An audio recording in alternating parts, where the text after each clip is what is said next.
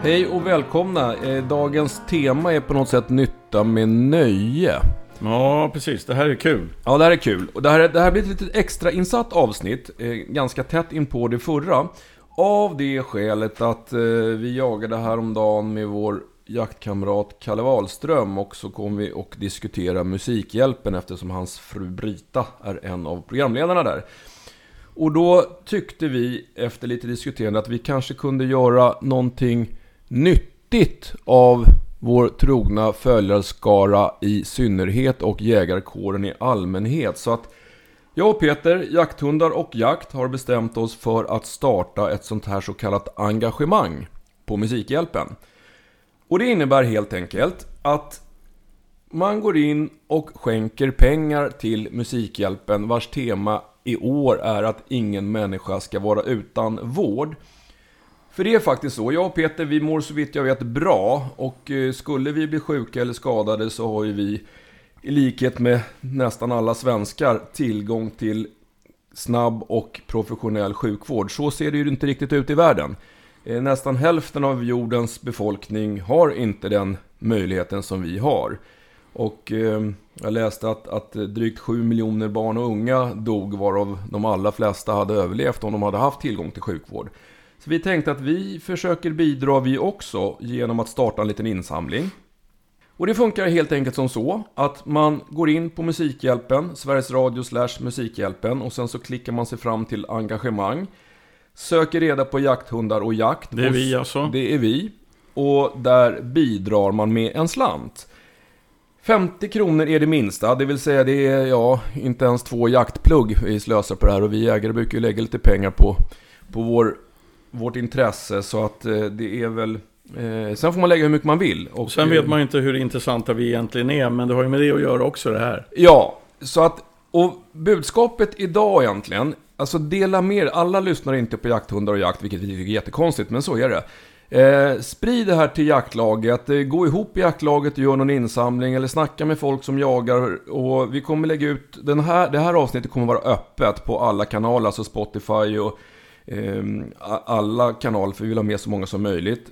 Vi kommer att ha en liten film där vi informerar om det här också som kommer ligga på YouTube, på Peters Dogworks, Instagram och så vidare. För vi, vi tycker det vore lite kul om vi kunde få Sveriges jägarkår att, att ehm, ställa upp och visa att vi är duktiga på mer än att förvalta vilt. Det är vilt. säkert många jägare som redan tänker delta i det här. Men, men grejen är att vi, vi kan faktiskt, eller vi nu som sagt, jag vet inte hur intressanta de här två farbröderna är. Men vi, det är ändå så att det blir ett slags lotteri va? Så kommer det vara. Vi kommer, och ja, det, det här gör man som man vill. Men om man är med och bidrar så kommer man samtidigt köpa en lott kan vi väl kalla det. Mm. Det, här, det här arrangeras av Musikhjälpen.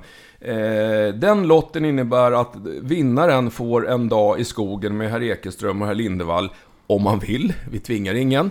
Eh, och då får man antingen jaga med egna hundar, man kan ta med någon ung hund som behöver lite träning med hjälp av Peter, man kan ta med någon hund som behöver lite bedömning av en veterinär, eller så åker man bara och snackar jakt och jakthundar en hel dag.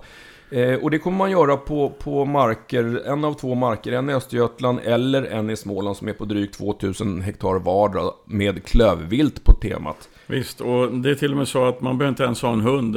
Vill man jaga med oss så är man med i det här helt enkelt. Och så jagar vi med våra hundar. Just det.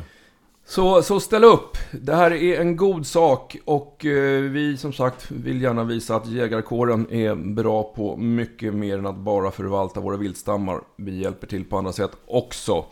Musikhjälpen, Sveriges Radio slash Musikhjälpen. Leta er fram till engagemang, sök jakthundar och jakt och lämna ett bidrag, valfri storlek, dock minst två plugg, 50 kronor. Det här är spännande att se. Det är spännande. Ja, det vore jätteroligt om vi kunde få ett bra gehör. Så att som sagt, prata med alla ni vet som, som jagar. De behöver inte jaga, de får gärna gå in på Jakt under jakt och, och sponsra ändå. Och det här är ju oavkortat till Musikhjälpen. Visst. Och så blir det en hel dag med oss då. Mm, om man nu känner att man vill det. Och om man vinner.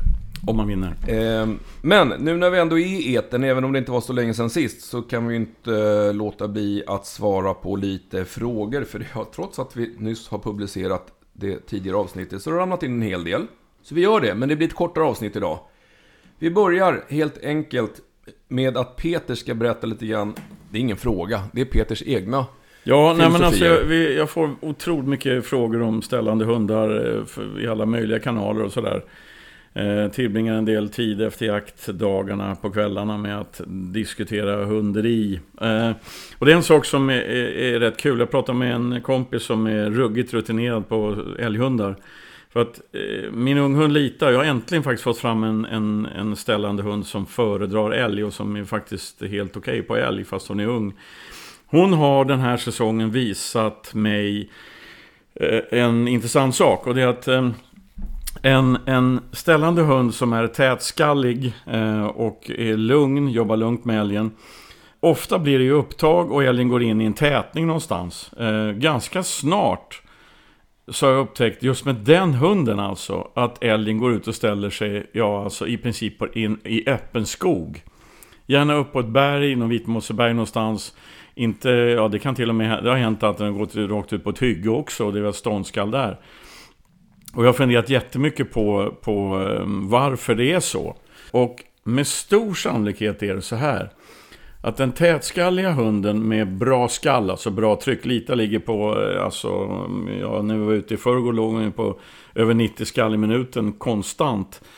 Eh, och den, den älgen eh, var trondjur, eh, klev ut och när hon bytte ståndplats ett par gånger under sex timmar så valde hon i alla fall öppen skog så man kunde se älgen på 100 meter. Alltså. Vi tror alltså att det har att göra med att älgen vill ha kontroll. Den är inte dugg rädd för hunden. Den har full koll på hunden. Men den hör inget. Och älgens hörsel och näsa är ju de två sinnen som verkligen talar om att fara nalkas. Men eftersom älgen hör ingenting, den, ljuden drunknar ju i den här skällande hundens eh, frenetiska tätskallande. Så tror jag alltså med hjälp av kompisen eh, Thomas Knutsson, galningen, alltså älghundsgalningen. Älgen vill se. Den vill se. Eftersom den inte kan höra ordentligt så vill den se faror komma. Jag undrar, det stämmer nog tror jag, för jag har varit med om det så pass många gånger nu, inte bara med lite utan andra hundar. Men jag har aldrig tänkt den tanken. Um, jag, tror, jag, tycker det låter logiskt. Mm. Uh, och är det någon som har en helt annan uppfattning så är det bara att skicka in ett, ett meddelande till oss så tar vi upp det. Men, men det är häftigt tycker jag när man, när man går in och, och, och börjar fundera på vad fan är det som händer i skogen? Varför reagerar viltet som det gör? Och i sådana här grejer har jag faktiskt, jag har sett det många gånger men jag har aldrig, aldrig kopplat ihop de två sakerna. Eh, skitspännande. Ja, det var bara lite allmänt. Jag är ju så jävla inne på unghunden nu, alltså, så att eh, det är mycket ställande i huvudet på mig. Nu går vi över till en veterinärfråga. Ja, eh, och det är en uppföljning egentligen. Andreas, eh, som förra, förra, förra avsnitt tror jag, hade frågor om bland annat en Australian Shepherd. Det var ju flickvännens hund då, som hade fått eh, oprovocerade hostattacker. Det lät som kennelhosta, som den hade fått eh, två och en halv, tre vecka efter att den blev vaccinerad mot kennelhosta. Han undrade om det där kunde vara någon typ av biverkan. Jag, jag, hade, jag tyckte inte det kändes så, men jag var tvungen att läsa på lite grann. Och nu har jag tittat i den litteratur som finns tillgänglig, bland annat Läkemedelsverkets biverkningsrapporter som kommer varje år. Och de biverkningar som är kända vid ja, alla vaccinationer, inklusive kennelhoste-vaccinet, eh, är ju framförallt att de kan få en rodnad, en svullnad eller klåda på, på injektionsstället. De kan bli lite trötta och hänga, men det här brukar vara liksom i ganska direkt anslutning till vaccinationen. Så att Sen stod det i någon artikel att valpar kunde reagera upp till ett par veckor efter vaccinationen. Men det här var ju en åttaårig hane. Så att eh, jag tror att det där bara var slumpen eh, och ingenting som hade med vaccinet att göra. Framförallt inte om man är vaccinerad tidigare. De reaktioner man får brukar man oftast få vid de första vaccinationstillfällena. Så det var bara en liten uppföljning på det. Nu har vi en väldigt föredömligt kort och koncis fråga från Oskar. Om man som Peter säger går mot där hunden släpper vid korta förföljanden och det inte fungerar, vad är då nästa steg? Vad är det för hund? Står ej. Det står inte. Okej, okay, men då är det nog drivande då? Skulle tro det. Ja, alltså det är, nästa steg, det, är, det här är dösvårt att säga. Jättebra, raka, koncisa råd just för den här hund, för till den här hundföraren. Eftersom jag inte vet vad det är för hund och jag har inte träffat hunden. Men, men några tips är dra ner på kommunikationen med hunden i skogen. Generellt alltså. Så att den blir mindre bunden till dig. Ehm, jag, träffar jättemycket hundförare och väldigt många letar, och, mm, letar efter och ökar kommunikationen med hunden när man är i skogen. Alltså man tittar på den, pratar med den, berömmer den jättemycket och så vidare. Och ju mer man kommunicerar, oavsett hur man kommunicerar, desto mer binder man hunden till sig. Så det är ett tips, dra ner på kommunikationen helt och hållet. Nästa eh, tips är att göra det han gör, men han ökar den taktiken. Eh, han sätter fart helt enkelt. Han, han skiter i hunden när den släpper, han möter den i, i bakslaget, kutar förbi hunden och öser på mm, efter det här viltet för att öka farten. Alla hundar gillar att springa. Eh, det, där, det, är ganska, det är ett bra tips generellt faktiskt, för mänsklig promenadtakt. Hunden har ingen sån gångart. Hunden har skritt eller trav. Båda de två passar dåligt i mänsklig normal promenadtakt. Så vill man göra sin hund glad när man är ute och promenerar med den och, och den, den drar lite i kopplet och den, ja det är lite småsul. Sätt kuta en bit, jogga lite. Hunden älskar det, jag lovar. Så kan man också göra i skogen för att få öka hundens mm, vilja helt enkelt och energi.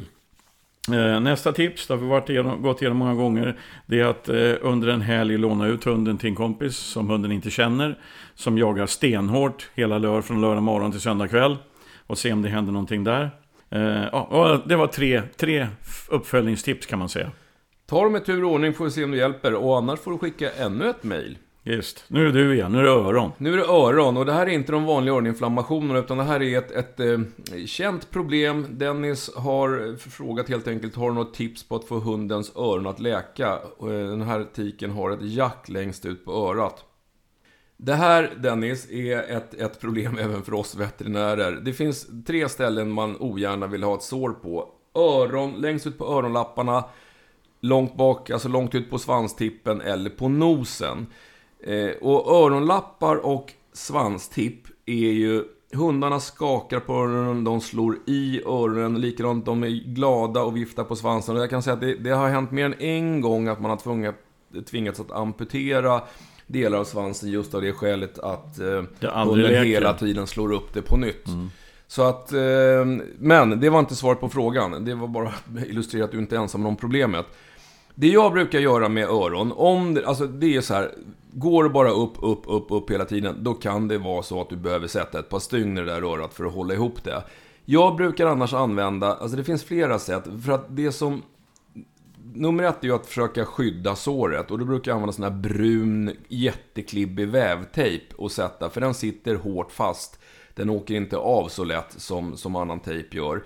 Det andra tricket som är då mer att, att se till att hunden inte kan vifta på skallen eller låta öronen fladdra. Det är ju att antingen sätta på den en krage, som alla hundar hatar, eller de flesta i alla fall. Eh, just för att inte få det här att örat slår i väggar och möbler och sånt där hela tiden. Och i extremfallet så har vi några gånger köpt såna här tubgas, alltså som en gasbinda på rulle. Det har jag sett man, faktiskt. Ja, det, då ser hundarna jätteskojiga ut. De ser otroligt roliga ut, men de kan inte vifta på öronen. Då viker man upp öronen då så att det ska luftas och sen så sätter man på den här tubgasen så att den inte kan vifta på örat.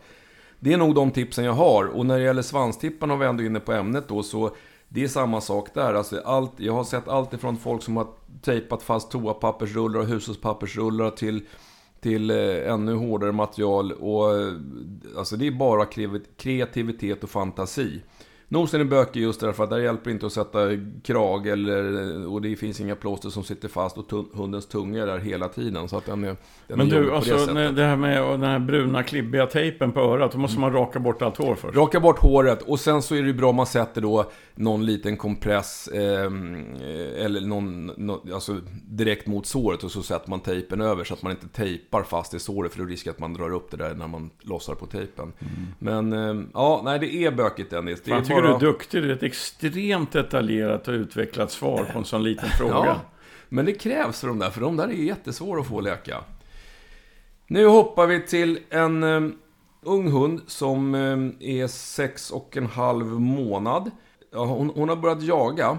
Och hon har drevtider på... En basset va? En basset. Fauve de Bretagne tror jag det var. Och har uh, som, redan drevtider på 30 minuter. Husse Erik är lite fundersam. Är det här Alltså, kommer det här, betyder det här att hon kommer få otroligt långa drevtider? Han tror att hon, han är rädd för att hon ska bli en jaktidiot. Ja, han vill ju helst inte att de ska köra mer än timmen. Och det här är, hon är ju 6,5 månader nu. Kommer det här bli en jaktidiot som ligger ute 3-4 timmar nästa höst? Det var första frågan. Den andra frågan är också att hon eh, har skällt i bakspår. Eh, kan det bero på att hon är omogen, omogen eller väldigt lös i skallet? Jag tror att om jag börjar svara på den andra frågan så har du nog orsakerna redan specificerade. Hon är förmodligen omogen. Hon kan ju också vara lös i skallet. Men, men 6,5 månad så skulle jag nog satsa på det första. Än så länge. Och sen är väldigt lite, väldigt lite när det handlar om unga jakthundars utveckling följer en, en rak linje. Bara för att valpen är 6 månader och driver 30 minuter så betyder det inte det att den driver 60 minuter när den är 12 månader. Ehm, det kan vara så att den här hundföraren blir alldeles jättebesviken nästa oktober 2021 när han upptäcker att eh, valpen ehm, bara driver två minuter och dessutom tyst och sådär. Det är utvecklingsfaser. Men så jag, mitt råd är is i magen, vänta till nästa säsong eh, och se, se hur hon jagar då. Men eftersom den här valpen nu driver med fullt skall i 30 minuter, 6 månader gammal. Hon vet ju inte vad hon håller på med egentligen. Hon är inte mogen för det, utan det är ju arvet som jagar kan man säga. Lägg tid på följsamhetsträning, kontaktträning, inkallning och de grejerna. Eh, för att om det då blir, om det blir nu så att den här hunden kommer att driva över timmen, det vill säga längre än husse vill, ja men då har han ju lagt grunden för att kunna styra hunden i skogen. Eh, sen, det sista jag vill säga om den här hunden är, grattis! Det är väl underbart att ha en drivande hund som i den där åldern driver med fullt skall i 30 minuter. Jag skulle jubla och lägga tid på följsamhetsträning. Nu har vi en eh, fråga som faktiskt, den har vi aldrig haft förut. Den har rubriken jakttaktik. Och det är Marcus som har ställt, det är flera frågor så jag tänker läsa dem lite i tur och ordning. Han vill höra våra åsikter och diskussion angående jakttaktik vid drevjakter. Mer som en generell regel och vi ska inte låsa oss vid terräng eller storlek på såt utan mer så på koncept. Och när jag och Peter satt och diskuterade det här lite grann innan så är det nog ofrånkomligt att terräng, storlek på såt, med mera är en ingrediens som man inte kan bortse ifrån. Dessutom så är det också typen av jakt. Eh, Marcus undrar om, om bevegångsjakt, med, alltså den typen av jakt där man... Heter det bevegång? Bevegung. Bevegung, jag är inte så bra på tyska. Ehm, där man liksom, ja, man jagar en såt per år och då kör man... Man kör skiten, skiten ur såten. Jag har försökt undvika ordet skiten, men, men, men det är det man gör. Och sen så finns det ju varianter, alltså att man går in med flera drev, flera hundar, stöthundar, eh, ja, drivande hundar och så vidare. Jag går ju emellanåt som hundförare på säljjakter. Eh, med klövvilt på, på temat. Då är du dessutom jaktledare, så då bestämmer du ju dessutom. Då bestämmer jag. Och, och då får man ju tänka lite grann så här, ja det här kommer betalande gäster, vad vill de ha? Ja, de vill ha action i såten. De vill ha gärna mycket hundskall. Självklart helst att viltet går ut och presenterar sig för skyttarna också. Men att det händer grejer. Då, då använder jag gärna tyskterriers, vaktlar.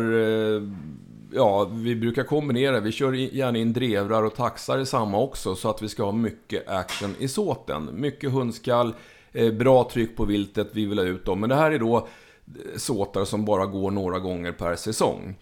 Eh, sen om, om, du pratar också om ställande hundar, om, om jag och, går på en sälljakt eller som hundförare på en jakt där det är vildsvin på, på Men... schemat. Så, så är det som så att då, då är det ju inte så att jag som hundförare alltid går in och skjuter på, på, på ståndskall om jag får ett tillfälle. Utan det beror ju på, är det betalande gäster så är det ju de som primärt ska skjuta. Då får man gå in och försöka stöta loss vildsvinet ifrån ståndet och se om man kan få ut det till skyttarna. Medan som vi jagar hemma vid med våra eh, jaktkompisar och har samma typ av jakt, ja då är det ju helt okej att vi går in och skjuter på ståndskallet. Så att, ja, det, det, det är jättesvårt att ge ett enhetligt svar. Vad säger du Peter? Ja, så det som, det som är likadant med de här eh, olika varianterna på drevjakt som han lyfter fram, det är att man stör sjukt mycket om man jagar med, alltså det, det är ju liksom nummer ett och, och drevjakter ska ju vara effektiva i tanken. Um, så att, och jag, det var ju som du sa i början, alltså, det är klart att det har att göra med såtarnas storlek och sådär. Har, har man en såt på 45 hektar så är det ju tveksamt att skicka in fyra jämthundar liksom för att hitta vilt och så. Då är det kanske bättre med nästan hundar under bössan-längden eh, på, på stötan och så. Eh, sprängare sprängar är ju lysande bra, eh, terriers till exempel. Ehm, därför att då blir det ju fart, alltså då blir det ju fart. Mm, jag förstår inte riktigt vad, liksom, var det en fråga med det här eller? Ja, Bara vad vi tycker eller? Ja, åsikter och diskussion, så jag tror vi håller oss till ämnet. Ja, bra. Eh, för då kan jag säga en sak till. Diskussion. Alltså, har man ställande hundar, som jag har, eh, man har en ställande hund för att den ska få stopp på och stå med viltet. Ställan, de ställande hundar, det är ju det är min jakt, kan man säga. Eh, och du har jagat jättemycket ihop med, med spetsarna så att eh, man drar lite lott ibland vem ska gå in på ståndet och sådär. Det är därför man har en sån hund. Och använder man ställande hundar som, han, han var inne på det också tyckte jag läste, eh, att man först släpper ställande hundar, om man har drevjakt så släpper man ställande hundar först som är duktiga och snabba på att hitta viltet. Och sen kastar man in sprängare eller stöthundar som får loss dem. Alltså det är ju tveksamt ur spetsens perspektiv, ur den ställande hundens perspektiv. Det är många som gör det. Alltså norr om oss i Sörmland, där, där vet jag att det är inte helt ovanligt att man gör om Ehm, spetsar till, till ett slags eh, såthundar, eller hur man ska uttrycka saken. Fine, man får jaga med hundarna hur man vill. Jag har inga åsikter om det där. Men, men jag vill inte att mina, min unga jämthund ska stå med ett jättefint ståndskall och så släpper man på tre tyskterrier där. Av många skäl alltså. Du sabbar ju hennes jakt totalt och det kan bli konflikter i, in i såten och, och, och allt möjligt. Det, det, ställer jag mig tveksam. Jag vet att jättemånga gör det och fine, gör det då. Men, men jag, skulle, jag vill inte göra det. Utan i så fall släpper vi spetsar, de ställer viltet. Är det passkyttarna som ska skjuta, då går man in och lägger vind eller trycker loss. Eh, som jag ser det. Men, men gör inte det med en ung spets. För då får man en drivande jämthund eller gråhund eller karelare och det är inte bra. Men som gamla orka, där spelar det ingen roll. Hon ställer ju och kör gångstånd liksom. Det spelar ingen roll, då kan man trycka loss. Det bryr hon sig inte om, om det är passkyttarna som skjuter eller jag. Där är vi helt överens och, och när vi, alltså det, det, sa vi inte kanske, men, men alltså det är ju frågan om vad man jagar. Ja, vi sa det indirekt. Alltså ska vi jaga vildsvin så släpper inte jag in min min gråvaktel tillsammans med ett gäng hundar som jagar allt annat. För jag vill inte att hon ens ska fundera på om det kommer en ja, men, men för det är ju det, det är ju nästa grej där. Om man, en ställande hund vill man inte ska jaga rådjur och räv och dov och sånt. Eh, och det, risken är ju gigantisk om det är drevjakt. För då ska, på drevjakter generellt ska ju allting skjutas som finns in i såten. Eh, det, det, finns ju en ganska ball grej med, med enmanshundar kan man säga, ställande hundar och, och klassiska drivande hundar. Och det är ju att man stör väldigt lite i skogen. Alltså du, du, vet ju på den här älgkon som har släppt hon fyra, fem gånger på två veckor. Hon är ju kvar. Mm. Hon bryr sig inte om att det är en jämthund som håller på och bjäbbar och stör henne. Men skickar man in fyra vacklar, fyra tysthärjor och, och någon, någon koppov eller någonting. Då är den älgen inte kvar där. Nej. Och sen har vi ju faktiskt, och det har vi ju egen erfarenhet av också, att, att ha en ställande hund. Eh, släpper jag min ställande på vildsvin så vill inte jag heller att det ska vara andra drivande hundar, vaktel, tysk terrier som jagar gris, bland annat.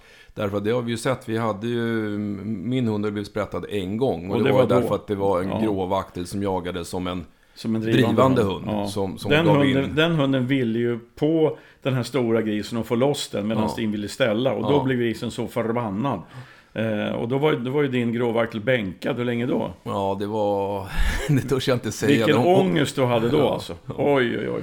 Eh, sen vill, eh, skulle vi resonera lite, Marcus tycker att vi ska resonera lite vidare kring hundval. Och vi har ju berört det ganska mycket redan, det här med hundval. Han har en konkret fråga varför jag väljer vakt eller istället för tyskterrier.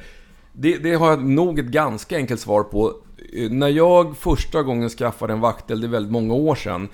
Jag var i, funderade på tyskterrier också, men då, och det vill jag verkligen poängtera, jag tycker att det blivit otroligt mycket bättre. Men då när man jobbade som veterinär och det kom in en tysk terrier, då fick man nästan alltid fråga om det behövdes hundkorg och många gånger sa djurägarna ja, det är nog det bästa.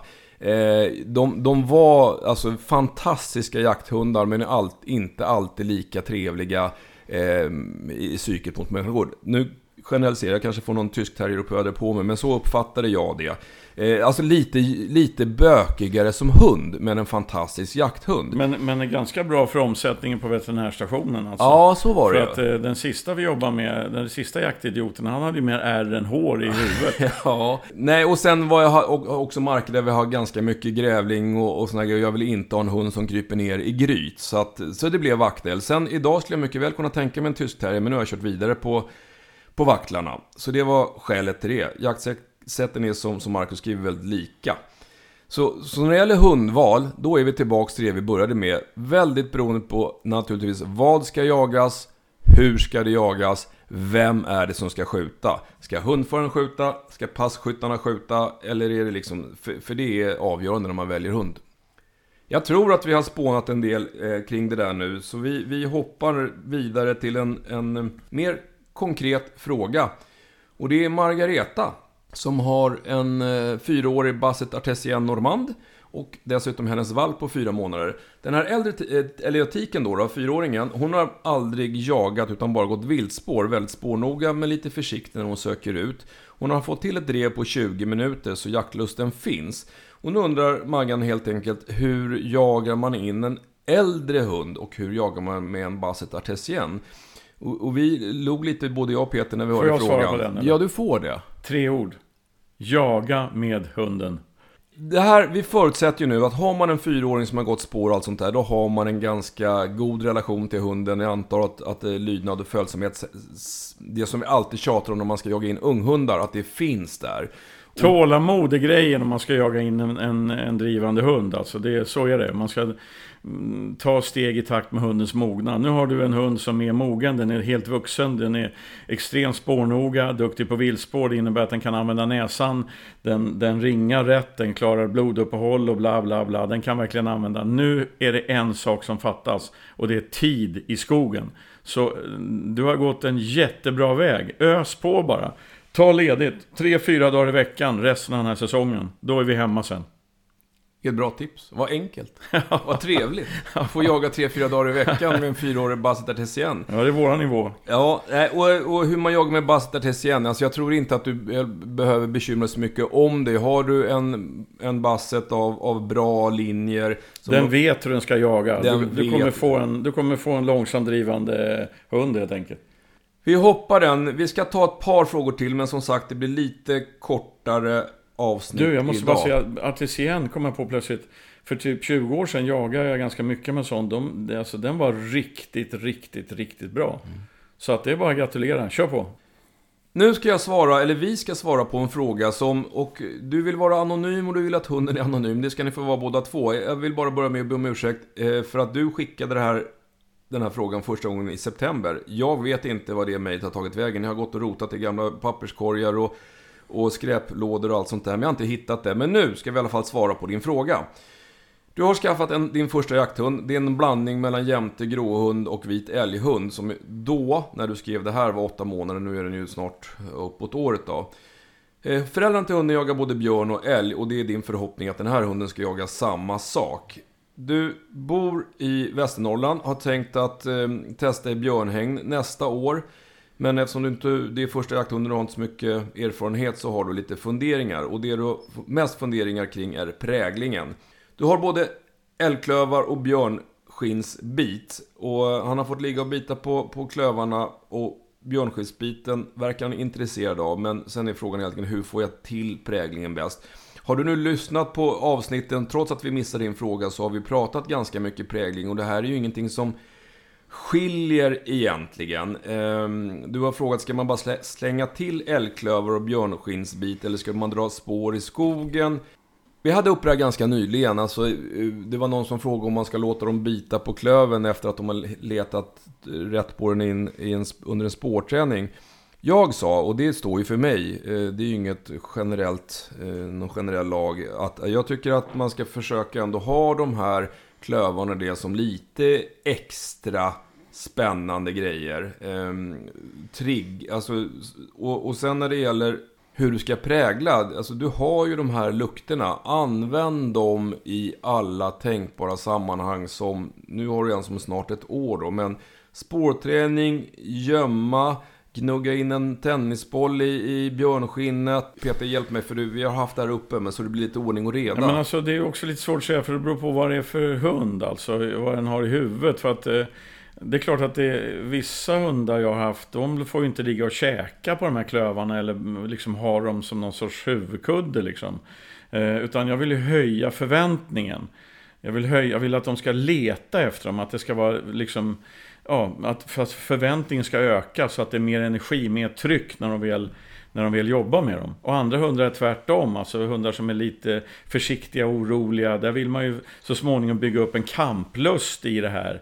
Så det beror på vad det är för hund helt enkelt. Men, men, eh, men presentera, presentera helt enkelt så mycket vittring som möjligt i så många situationer som möjligt. Och sen, sen är klassiken, sen fortsätter man kasseringen i skogen. Jag menar, du får inte ha hunden lös under lågsäsongen, men du kan ha den kopplad och så hittar du rätt vilt. Slag efter rätt vilt så att, så att hunden får följa färska slag efter du och, och så berömmer man i spåret. Om hunden gillar köttbullar, då langar du då och då en köttbulle framför hunden i spåret. Eller eh, belönar på något annat sätt så att, så att viljan att följa just den vittringen ökar. Här handlar det mycket om att tänka utanför lådan och använda fantasin och vara lite kreativ alltså. Bejaka, alltså är, är den här unghunden intresserad så, så, och letar reda på björnskinnsbiten under mattan eller i diket eller hittar älgklövern i spårlöpan så, så, så beröm intresset för, för den här vittringen.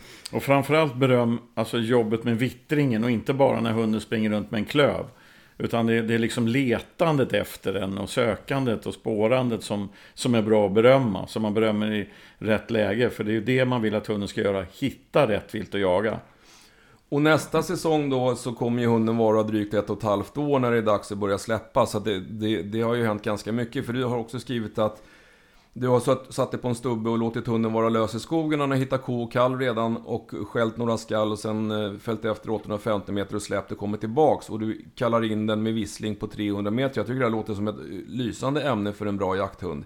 Så, och, och det som du har skrivit på slutet, jätteviktigt, det, det är en valp. Alltså lägg inte för stora krav och för stor stress. Den är, som Peter pratade om sin jämthund då, Lita. Det är ju nu som vi börjar se verkligen att hon har jakten i sig. Annars har det varit varannan gång lek och varannan gång jättebra jaktarbete. Nu börjar hon mogna. Det tar tid. Hon är långt ifrån klar, men, men ta det lugnt. Vi har en kort fråga som vi ska ta också och det gäller ett ämne som vi har haft uppe flera gånger.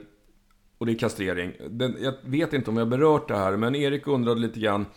Ska man kastrera sin tik, det är den här FOV de Britannien. Den är 6,5 månader. Finns Det några fördelar med att vänta tills hon har haft ett löp eller är det bara att göra det så snart som möjligt? Det korta svaret är det finns inga fördelar att vänta egentligen. Så här funkar det.